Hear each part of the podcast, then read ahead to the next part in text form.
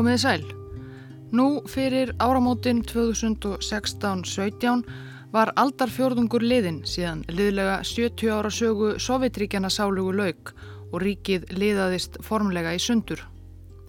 Og um svipað leiti á nokkrum örlagaríkum misserum 1990 og 1991 spruttu fjölmörg ný ríki fram á sjónarsviðið Litáen, Ísland, Lettland, Armenia, Georgia, Úkræna, Kvítarúsland, Moldova, Azerbaijan, Uzbekistan, Kyrkistan, Tajikistan, Turkmenistan, Kazakstan, já og auðvitað Rúsland. Og er voru reyndar fleiri þjóðirnar sem reyndu að brjótast undan rúsnenskum yfiráðum á þessum olgu tímum í upphafi tíund áratugurins, en þær höfðu kannski ekki allar erindi sem erfiði.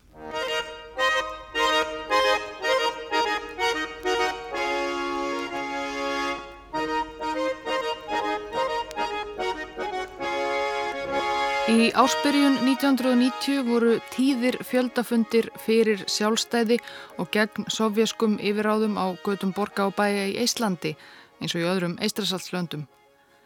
Yfirmaður sovjasku herdeildarinnar í Tartu, næst stærstu borg Íslands, var hersöðingi að nafni Djókar Dudajev. Hann var fættur í Tjetjeníu í Kákasusfjöllum en átti að baki glæstan feril í sovjerska flughernum, hafði meðal annars barist í stríði sovjetmanna í Afganistan við góðan orðstýr. Það var ekki ástæða til að halda annað en að Djókar Dudajev væri svo gott sem hinn fullkomni sovjerski hermaður, sovjetríkunum hotlur þar til yfir leiki. En í áspyrjun 1990 Þegar stjórnvöld í Kreml skipuðu herflokki sínum í Íslandi að hveða niður uppreysnina sem þar var í uppsiklingu, neytaði Djókar Dúdajev, kannski fyrsta sinn á ferlinum, að hlýða skipunum að ofan. Hann saði mönnum sínum þessi stað að haldaði sér höndum og flaggaði bláum, svörtum og hvítum fána Íslands yfir herstöðinni í Tartu. Herdild hans var í kjölfarið kolluð heim. Djókar Dúdajev hersöðingi saði upp störfum og helt heim til Tjetjeníu í fyrsta sinn í marga áratugi.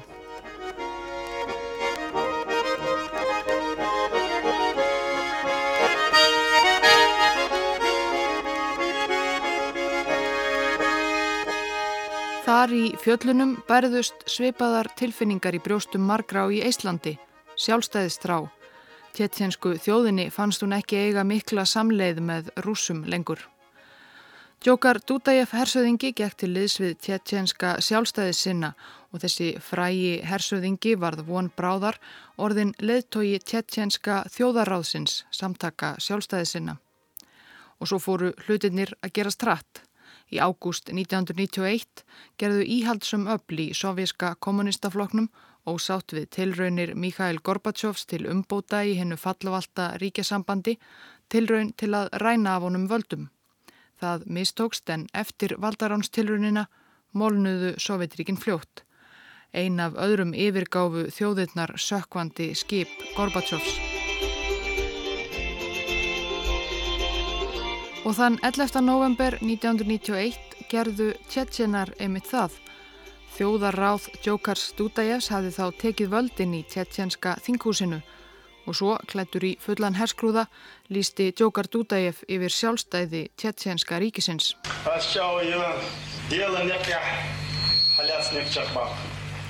Tjetjenska þjóðin hafði ríka ástæði til þess að vilja skera á tengslinn við rúsana í Moskvu.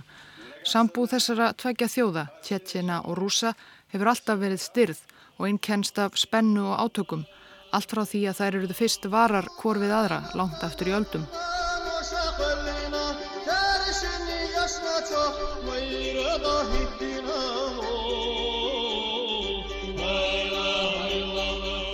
Hinn voldugi Kákasus fjallgarður tegir sig meira en þúsund kílometra leið frá Svartahafi til Kaspíahafs.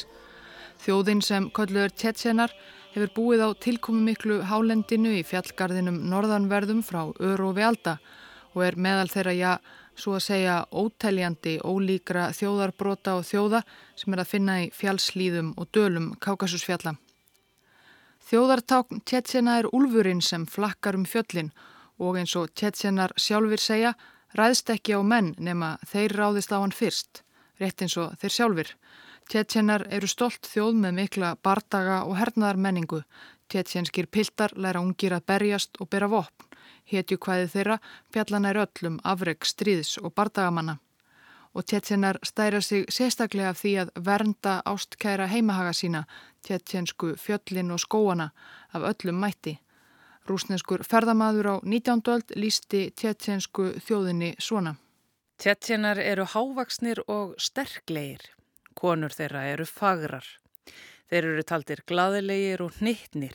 Frakkar Kákasusfjalla er sagt, en eru ekki eins vel liðnir og sirkassíumenn vegna þeirra tortrygna og óblíða eðlis sem eflust má rekja til margra alda af opnaðri baróttu.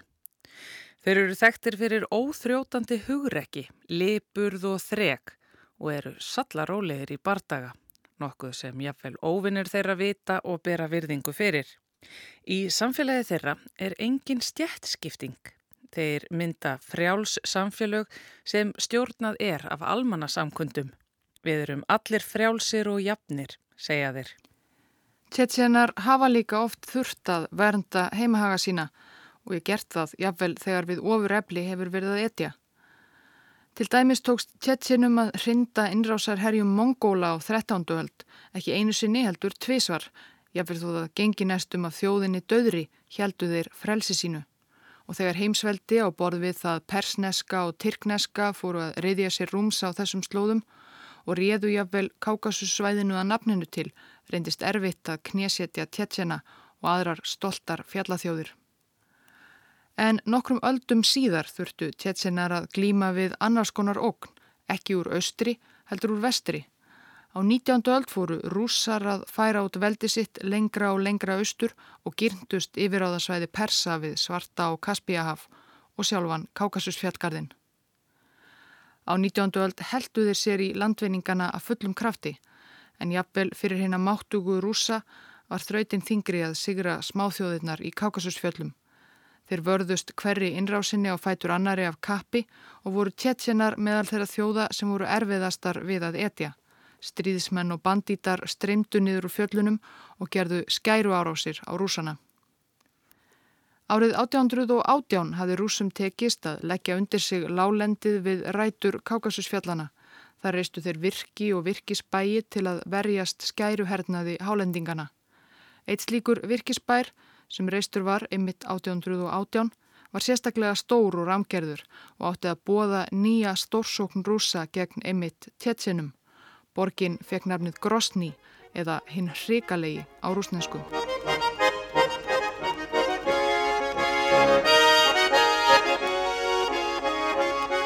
Hersöðingin sem leiti herrferð rúsneska keisarahersins gegn tétsinum, Alexei Jermolov, var kallaður slátrarinn og lýsir það viðurnefni vel þeim aðferðum sem hann notaðist við í stríðsregsti sínum.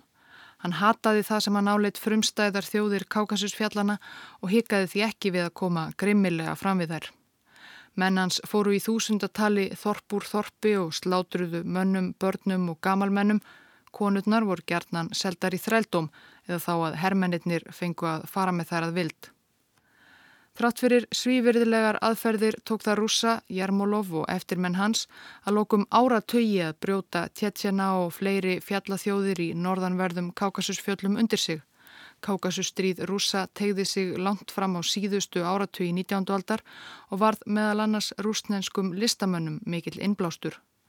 Rúsnenskir málarar máluðu ótal málverk af rúsnenskum og kákasískum stríðsmönnum brjótast um tilkomi mikið fjallalandslægið og skáld á borði Puskin og Lermontov ortu um stríðsregsturinn kvæði og skrifuðu skáldsögur. Um 1830 var útlitt fyrir að rúsum hefði að minnstakosti tekist að brjóta téttjena og bakaftur og téttjensku fettaþorpin voru víðast hvar ekki meira en rjúkandi rústir eftir að rúsnenskir hermenn höfðu farið þar um. Og téttjenar urðu ekki einu sinni verst úti. Annari Kákasusstjóð, Sirkassíumönnum, var svo gott sem skipulega útrýmt af rúsum um miðja 19. öldina, það sem kallað hefur verið eitt fyrsta þjóðarmorð í nútímasögu Evrópu. Einhverjir tétsinnar lifðu þó af herrferð rúsa og þeir risu fljótt aftur á fætur og heldu áfram að veita þeim uppluga mótspyrnu langt fram eftir 19. öldinni. Það var ekki fyrir um 1864 sem Kaukasus fjallgarðurinn gæt loks talist unnin Þá hóðu rúsar eitt hálfri öld um það bil í að leggja hann undir sig.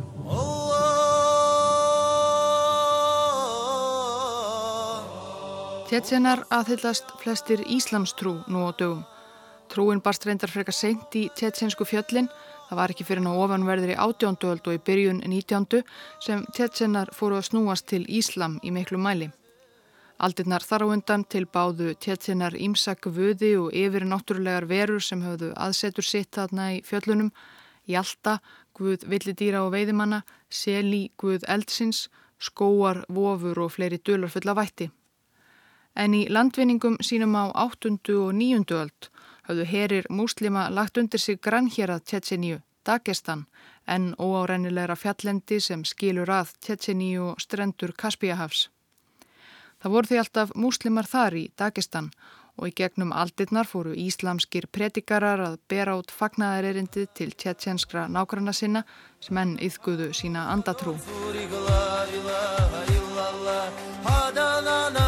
En Íslamstrúin sem Tjetsenar tóku á endanum var alls ekki harðneskuleg og íhaldsum eðimörkur trú sem þá var að breyðast út um og út fyrir Arabíuskagan, heldur íslamsk dölspeki, súfismi, öllu frjálslindari tólkun á trúni. Við hana blönduðu tjetsinsku muslimatnir líka sínum gömlu síðum og hefðum sem þeir heldu í, svo úrvarð sérstatt tjetsinst Íslam. Ferðalangar frá öðrum íslamskum löndum sem fórum lönd Tjetsjana fyrra á öldum veitti því eftirtækt að konur þeirra klætust ekki slæðum og múslimatnir þar reyktu, drukku áfengi og líku tónlist að vild og gerðu ímislegt fleira sem álitið er bannað eða óæskilegt af öðrum sem aðhyllast aðra ströyma trúarinnar. Trúaratafnir tjetsjensku súfistana eru tilkomið miklur að sjá. Til að komast nær guðdómnum kyrja þeir guðs orð, stöðugar endutekningar og svo ganga þeir og hlaupa í ringi í stórum hópum, ring eftir ring eftir ring.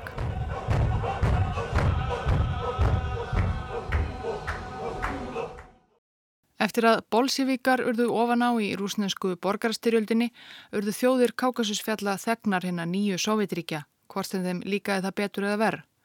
Tjetsenar þar á meðal. Yfiráð kommunista hafði ímsar breytingar í förmið sér fyrir tjetjenst samfélag.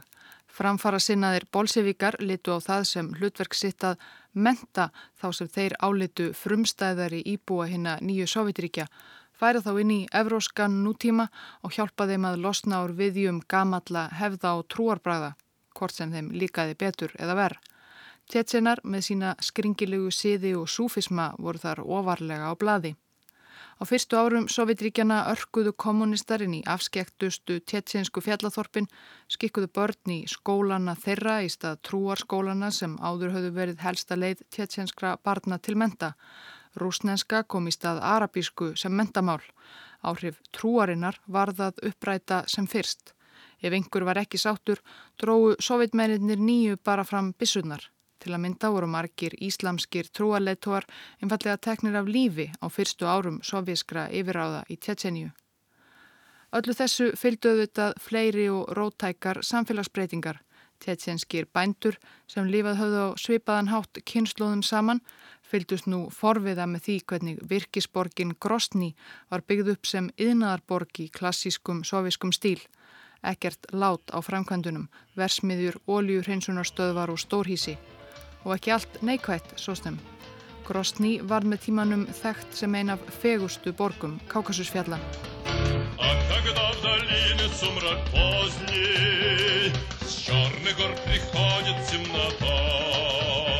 Árið 1936 voru heimahagar Tjetsjana og grann og fræntjóðar þeirra Ingúsja gerðir að því sem kallað var sjálfstjórnarlýðveldi. Það þýtti að svæðið var í raun ekki eitt af hennum eiginlegu líðveldum sem mynduðu Sovjetiríkin. Þar á meðal voru til dæmis Armenia, Georgia og Azerbaijan á Kákasussvæðinu. Lengst í vestri voru Eistrasaltslöndin þrjú einnig sín eigin líðveldi og svo framvegis. Heldur var tjetjensk ingúsíska sjálfstjórnar líðveldið næsta stjórnsýslu stig fyrir neðan, minni eining innan Sovjetlíðveldisins Rúslands. Þetta litla atriði átti eftir að skipta miklu máli fyrir sögu tjetsinsku þjóðarinnar áratugum síðar.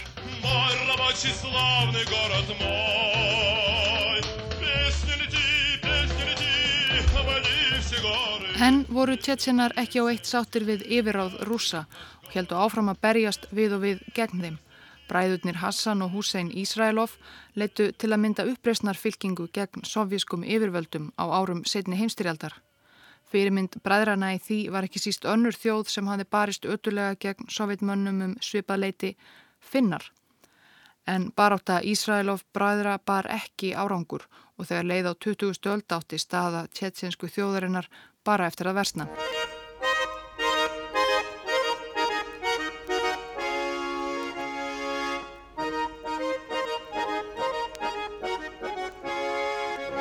Leðtogi Sovjetiríkjana, Jósef Stalin, var sjálfur borin og bartfættur í Kaukasusfjöllum í georgíska bænum Gori sem er einungis um 200 km í suðvestur eins og fugglinn flýgur frá Grosni, höfuborg Tjetjeníu. En þrátt fyrir að vera sjálfur ættaður þaðan úr fjöllunum hafði Stalin ekki mikinn skilning á frelsis baróttu og frelsis þrá Tjetjena eða annara kaukasískra þjóða. Þvert á móti. Í miðri heimstyrjöld sökuðu sovjísk stjórnvöld Tjetsjena sem og fræntþjóðina Ingúsja um að starfa með óvinninum Þískalandi nazismans. Tjetsjenskir uppreysnarmenn áttu að hafa aðstóðað Þíska hermenn þegar þjóðverjar gerðu tilrönd til þess að leggja undir sig Kákasusvæðið veturinn 1942 til 1943. Það er vissulega rétt að þegar þjóðverjar voru að þvælast þarna í fjöllunum reyndu þeir að fá tjetjensku skæruliðana á sitt band en það áttu þeir sameinlegan óvinn í Sovjetríkunum. En stoltir tjetsjenskir stríðsmenn láta ekki auðveldlegað stjórn og þar að þau ekki samræmdust ítla hugmyndir nazista um heimsífiráð og sjálfstæðist þrá tjetsjenana. Það var því aldrei mikið samstarf millir þessar að tvekja hópa, aðalega gagkvæm tortrygni. Yfirlýsingar soviskra stjórnvalda um að tjetsjenar hefðu gengist óvinninum á höndi stórum stíl voru að minnstakosti stórlega íktar en einhvað síður ákvað Jósef Stalin að dæma alla tjetjensku þjóðina í útlegð. Digir hlustendur í ljósi sögunar hafa kannski hirt fyrri þáttum aðra þjóð sem hlaut sveipuð örlög um sveipað leiti, krímtatara, frumbyggja krímskagans. Þeir voru ránglega sagaður um samstarfið nazista og var svo smalað upp í greipaflutningalestir og fluttir í 2000 tali mörg þúsund kílometra leið til Úsbekistan í miðasíu þar sem þeim beigð sjálfnast annað en örbyrð. Tjetjinar fengu eiginlega nákvæmlega sömu meðferð. Öllum tjetjinum, já öllum sem einum, var skipað að mæta í ákveðinar ofinberrar byggingar á ákveðinum degi, 23. februar 1944, nánar tildekið. Dagsetning sem tjetjinar hafa aldrei glemt síðan. Um 500.000 tjetsinum var síðan smalað upp í lestir og trukka og fluttir langa leið til miðasíu eða síberíu. Ótal margir dóu á leiðinni vegna þrengsla sjúkdóma úr hungri og þorsta. Þeim dauðu var einfallega kastað útbyrðis einhver staðar á leiðinni og þegar á áfangastæðin var komið beigðir að sömu leiðis sjálfnast annað en örbyrð.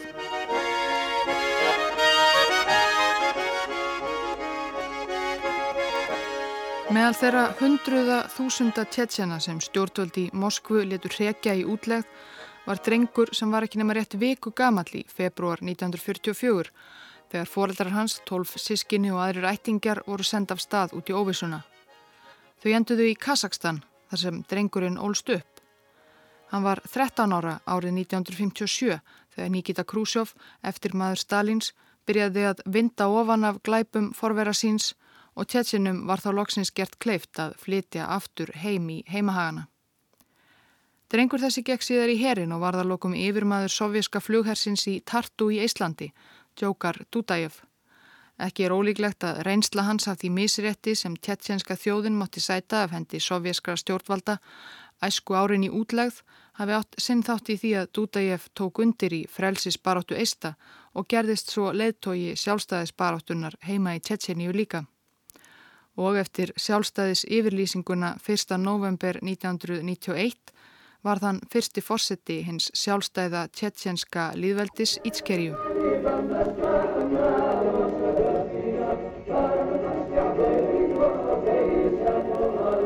Ítskerja er vel á minnst gamalt tyrknesk ættað nafn yfir Tjetjeníu og tjetjenska líðveldið héttað því að þessu stíð málsins hafi komið upp klopningur milli fræntjóðana Tjetjena og Ingúsja og þeir síðan nefndu höfðu ákveðið að fylgja frekar Moskvu áfram að málum. En á gamla tjetjensk ingusíska sjálfstjórnar liðveldinu eins og það hétt formlega og Íslandi, því sem Dúdægef þekkti, var einn grundvallar munur. Það var þetta með sovjetlýðveldin og sjálfstjórnarlýðveldin.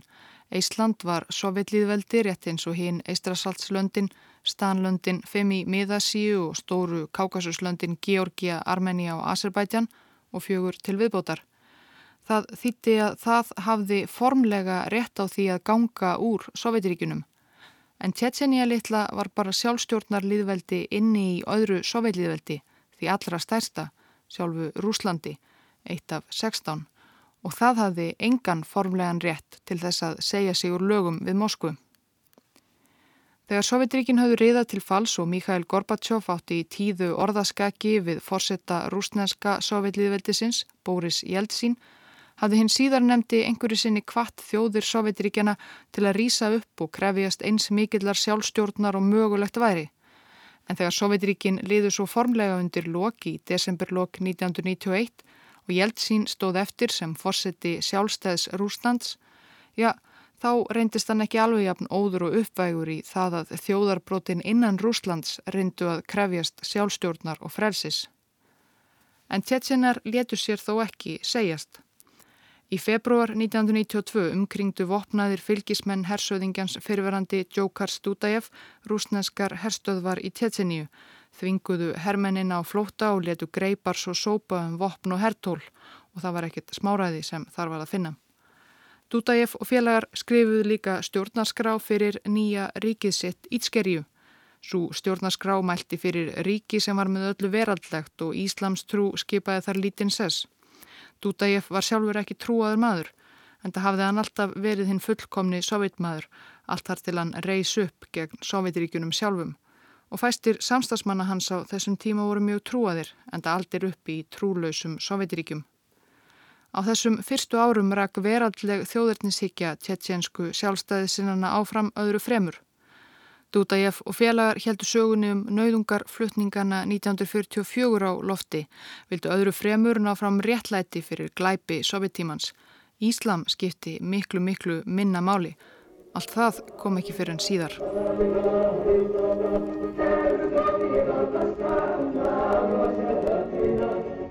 Fljótt kom í ljós að Djókar Dúdæjef var ekki eins góður þjóðarleittói og hann hafði eðlust verið hermaður. Hann var servitur og mikið ólíkindatól. Af og til leta hann út úr sér undarlegar og óskiljanlegar yfirlýsingar. Til að mynda sagðan einhverju sinni að jarðskjáltar sem skóku Kákasuslöndin, Armeníu og Georgiu varu verk rúsnenskra stjórnvalda til að refsa þessum þjóðum fyrir að hafa yfirgefið Sovjetiríkinn. Margir tjettsinar fóru hjá sér og skömmuðu sín að maður sem segði svo fáranlega hluti væri fulltrúi þeirra og leðtogi. Dúdæjaf reyndist líka eiga erfitt með að taka gaggríni og andstöðu gegn sér.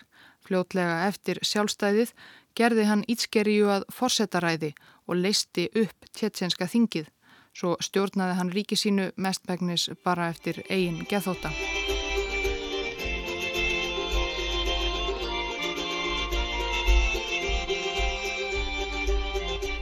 Á meðan allt þetta var að gerast í litlu Tjetjeníu hafði fórseti Rúslands, Bóris okkar Jeltsin, nóg með sitt. Þetta voru ekki beintur ólegustu tímannir sem rúsar hafðu lifað fyrstu árin eftir fall Sovjetríkjana. Jeltsin hafði allt hérnt að nægu að higgja og kannski skiljanlegt að það færi ekki efst á fyrsta forgangslistan að einhvert smáhér að einhver staðar austur í Kákasusfjöllum hefði líst yfir sjálfstæði og einhver hersauðingi væri að þykjastir á orðin fórseti. En þegar leið á og Tjetjenar virtust ekki ætla að láta af þessum sjálfstæðisleik sínum og Dúdajef fórsetin var sífælt ódreiknarleiri, þá fóru að renna á Jeltsín og samstagsmenn hans í Kreml tvær grímur. Þetta gengi ekki endalust svona.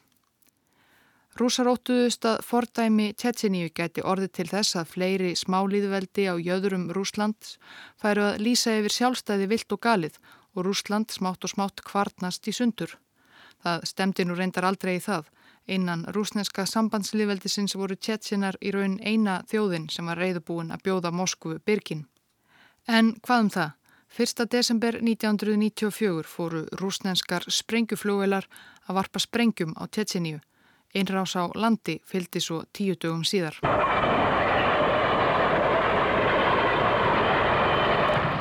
Boris Jeltsin bjóst ekki við því að það myndi taka máttugan herr Rúslands langa stund að sigra nokkur þúsund tjetsinska þjóðvarðliða Djókar Stúdæjöf og binda enda á þessa fáránlegu upprist þeirra og sjálfstæðistilburði. Rúsneski herrin taldi á þessum tíma um tvær og halva miljón manna. Öll tjetsinska þjóðin slagaði varla upp í eina miljón. Þetta átt að verða stutt stríð, sigurinn örugur og eitthvað sem myndi vonandi auka veinsældir Jeltsins heimafyrir. Hersöðingin sem leitti orustuna spáði því að sigur myndi nást á minna en 19 dögum. En þeir urðu nokkuð fleiri dagarnir.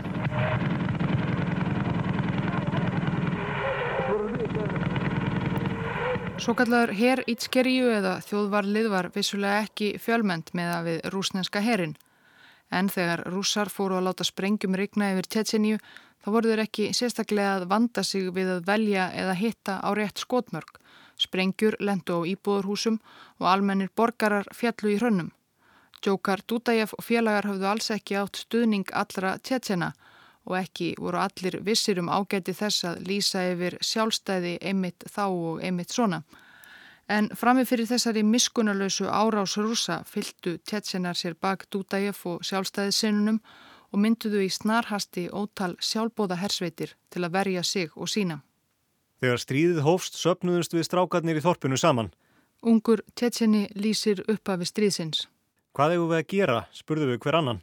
Við ákváðum að berjast, en hver ætti að vera fóringi okkar? Við ákváðum það, hann verður fóringin. Svo fórum við og börðumst. Menn og drengir í ótal tjetsinskum þorpum hugsuðu á svipuðum nótum. Rúsnænski herin var að miklu leiti skipaður ungum mönnum sem höfðu verið kvattir í herþjónustu, voru ídla þjálfaðir og almennt áhuga lausir um þetta óskiljanlega stríði í þessum útunára tjetseníu. En tjetsensku varnarliðsmennir voru að verja heimili sín og þekktu landslægið eins og handabökin á sér. Fljótt varð ljóst að stríðið í tjetseníu myndi ekki verða eins auðvelt og rússar höfðu spáð. Þrátt fyrir að allt bendi til þess að rússar hefðu vannmetið Tjetsjena réðist rústenski herin inn í höfuðborgina Grosni á gamlársdag 1994. Aftur spáði rústenskur herfóringi því að þetta er því auðvelt verk. Hann þyrti ekki nema svona eina herdelt og tvær klukkustundir til að knésetja borgina. En strax á fyrstu dögum innrásarinnar fjallu ringlaðir og skelkaðir barnungir rúsneskir hermenn í hrönnum fyrir hendi Tjetsjena Mannfallið meðal óbreytra tjetjenskra borgarbúa var hins vegar miklu, miklu meira. Barist var hús úr húsi, götu til götu um alla borgina á meðan rúsneski herin varpaði sprengjum linnulöst niður svo að annað eins hafði ekki sést í Evrópu síðan Dresden var sprengt í tætlur í setni heimstyrjöld. Eðileggingin í Grosni var eins og við heimsendi. Ég sá svo mikinn dauða.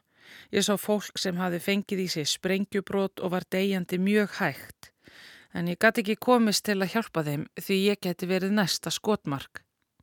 Grosni var fallegasta borg í heimi, en fallega borgin mín var eðilögð af rúsum og með henni eðilagðist öll Tjetjenija og fólki sem þar bjó. Tjetjenar vörðust af hörku og einbeitni þrátt fyrir að vera miklu, miklu færri. Rúsnensku hermeninnir voru lafrættir táningar, Tjetjenar bygguða þekkingu á staðarháttum og alda langri hernarmenningu. Það var eins og eitthvað ævafornt væri að vakna til lífsins innra með tjetsinum, saði einn af fáum erlendum bladamönnum í Grosni á þessum tíma. Við erum bara að venda landið okkar. Þeir eru með flúvilar, þyrtlur, eldflögar, sprengjur en við höfum ekkert nema baráttu andan. Við munum hvað gerðist 1944 og 19. öld. Alla okkar sögu höfum við barist við rúsa og við viljum bara ekki hafa þá hérna. Rússarnir er ekki að berjast fyrir neitt, en við erum að berjast fyrir föðurlandið. Við erum ekki hrættir við dauða. Loksins í februarlokk 1995 eftir tveggja mánada bardaga hafði rúsneska hernum tekist að sprengja Grostni svo sundur og saman að síðustu tjetsinsku hersveitinnar sá sér til neyta til að hörfa. Það var lítið eftir af borginni, þeirri sem einu sinni hafi verið talin meðal fegustu borga Kákasusfjalla Hún var nú einn rjúkandi rúst ötuð í blóði og sigurinn í Grosni var rúsum dýrkeittur, þúsundir hermana þeirra tíndu lífi og auðvitað mörg þúsund saklausir borgarbúar sömu leiðis. Bardagar heldu áfram utan höfuborgarinnar eða þessum eftir var af henni í bæjum og þörpum í tjetjensku fjöllunum og dölunum. Rúsar nótuðu svipaðar aðferðir, letu sprengjum rigna yfir jáfnvel minnstu þorp. Ákveðið virðist hafa verið að gera bænokkun, sama skí, að fordæmi, sína þessum sveita durgum hvers rúsneski herin væri í raun megnugur. Það var ekkert sérstakt við samaskí með að við aðra tjetjenska smábæi Það voru ekki eins og margir tjetsinskir vígamenn í bænum. Þeir voru farnir annað 7. apríl 1995 þegar rúsneskir hermenn streymdu inn í bæin vopnaðir eldvörpum og slátruðu þeim bæjarbúum sem eftir voru, aðalega konum, börnum og gamalmennum. Þegar rúsar höfðu lokið sér af var ekkit eftir af samaskí nema brunarústir og brend lík bæjarbúa um 300 fjallum. Sankvæmt frásögn 128 vittna úr skýrslu saminuðu þjóna um fjöldamorðið í Samaskí. Réðust hermenn rúsneska sambandslýðveldisins af ásetningi á almenna borgara og íveru staði þeirra í Samaskí með því að skjóta íbúa og brenna niður hús með eldvörpum. Flest vittnin sögðu að margir hermennirnir hefðu virst fullir eða undir áhrifum výmaefna. Þeir skutu að tilefnislausu og hendu jarðsprengjum niður í kjallara þar sem konur, eldri borgarar og börn voru í felum. Þetta var eins og örsmá útgáða því sem Grosni aði fengið að þóla nokkrum vikum áður. Fjöldamorðin í Samaskí voru fordæmdum heim allan þegar fregnir bárust af þeim en engin var dregin til ábyrðar.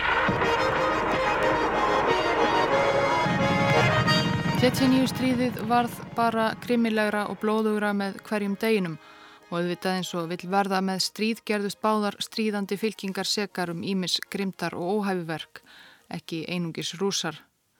Það sem hafi byrjað sem sjálfbóða varnarsveitir Tjetsena þróðust í halsvíðar vígasveitir sem oft lutu stjórn miskunnarlausra stríðsherra sem svifust einskis til að ná fram hemdum gegn rúsunum.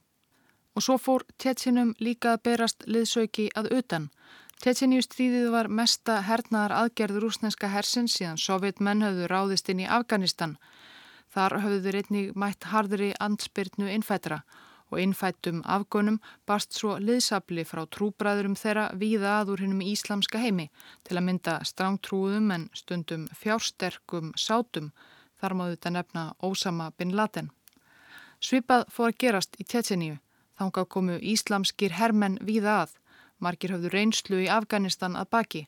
Þó svo að í upphafi hafi trúin skipt tjetsenna litlu máli þegar komað því að krefjast sjálfstæðis og verja landsitt, sáu þessir útlendingar þetta öðruvísi sem baráttu hetulegra muslima gegn trúlausum heimsvaldsöflum.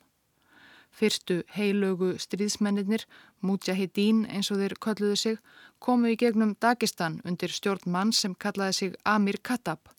Hann var fættur í Sáti Arabíu en hafði lítið gert annað en að heia heilagt stríða og erlendri grundu árum saman.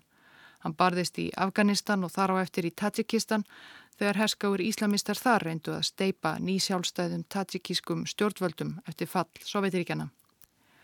Hróður Katabs barst enda víða. Um svipa leiti og rússar réðustinn í Tjetseníu var vopnabróðir Katabs úr Afganistan stríðinu og samlandi hans Osama bin Laden í Afrikuríkinu Sútan að leggja grunninn að hriðjuverkasamtökum sem áttu að færa út stríðið heilaga um allan heim. Bin Laden vildi fá Katab til liðs við samtökin sem áttu eftir að verða íllaræmt sem Al-Qaida. Þeir Bin Laden og Katab skrifuðust á um hríð en Katab neytaði að lokum að ganga til liðs við landasinn Hann vildi frekar einbeita sér að baráttunni í Tjetjeníu. Áminna bima anta ahluh, wala tuáminna bima nahnu ahluh, la ilaha illa ant, subhanak inna kunna min al-zalimin, wa sallallahu wa sallam ala nabíka Muhammad. Katab og menn hans, síðskeggjaðir og strángtrúaðir arabar voru í fyrstu álitnir í að dálitir furðufuglar af tjetjensku súfistunum sem þeir voru komnir til að berjast fyrir en þeir voru reyndir og öflugir stríðsmenn, þölþjálfaðir í þeim skæruhernaði sem týrkaðist í Afganistan og gerði einnig í Tjetjeníu. Og það sem kannski var enn mikilvægara, þeir kunnu líka að merkaðsetja sig. Heilögu stríðsmennir, útlendingarnir, heldu ekki á vígvöllin öðruvísi en að vera með myndbandsupptökutæki. Svo útbygguðir myndbönd af árásum sínum og blóðsútellingum vídjó sem síndu sprengingarnar og deyjandi rúsneska hermenn. Allahu Akbar!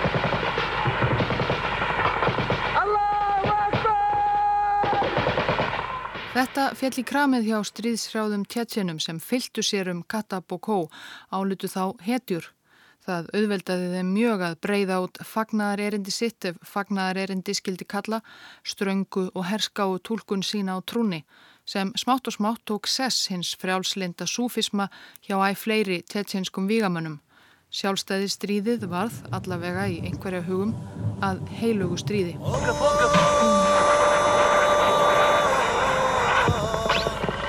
Svo mörg óhæfuverk voru framin í því sem síðar varð því miður kallað fyrra Tjetjeníu stríðið að ekki er hægt að telja það allt upp hér. Rúsneski herin var sagaður um tilefnislausar árásir á almenna borgara, pyntingar og ólöglegar handtökur og að hindra mannúðarstofnanir í því að hjálpa bástöttum og svo framvegis. Og auðvitað voru báðar stríðandi fylkingana sekar um grimdarverk. Tjetjenskir vígamenn beittu líka viðurstykkilegum aðferðum tóku gísla og nótuðu barnahermenn svo eitthvað sé upp talið.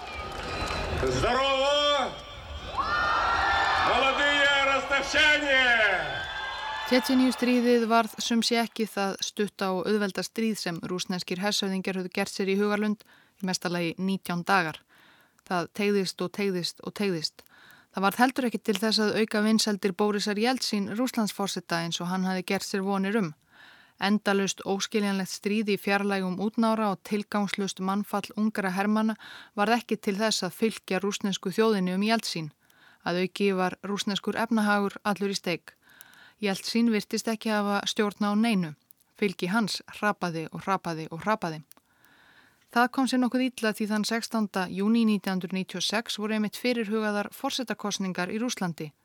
Þegar líða tók á vorið 96 hafði Tetsenju stríðið logaði meira en ár. Tetsenskir uppreysna menn voru í sókn og stuðningur við Jeltsin var í sögulegu lámarki. Kommunistinn Gennadi Sjúkanov virtist líklegur til að gjör sigra hann í komandi kostningum. Þann 21. april hæfði rúsnesk eldflög tetsenska leðtóan Djókar Dúdajev þar sem hann stóð og talaði í gerfinhættasíma. Hann var 52 ára. Stuðningsmenn hans grétu hann á gödumúti.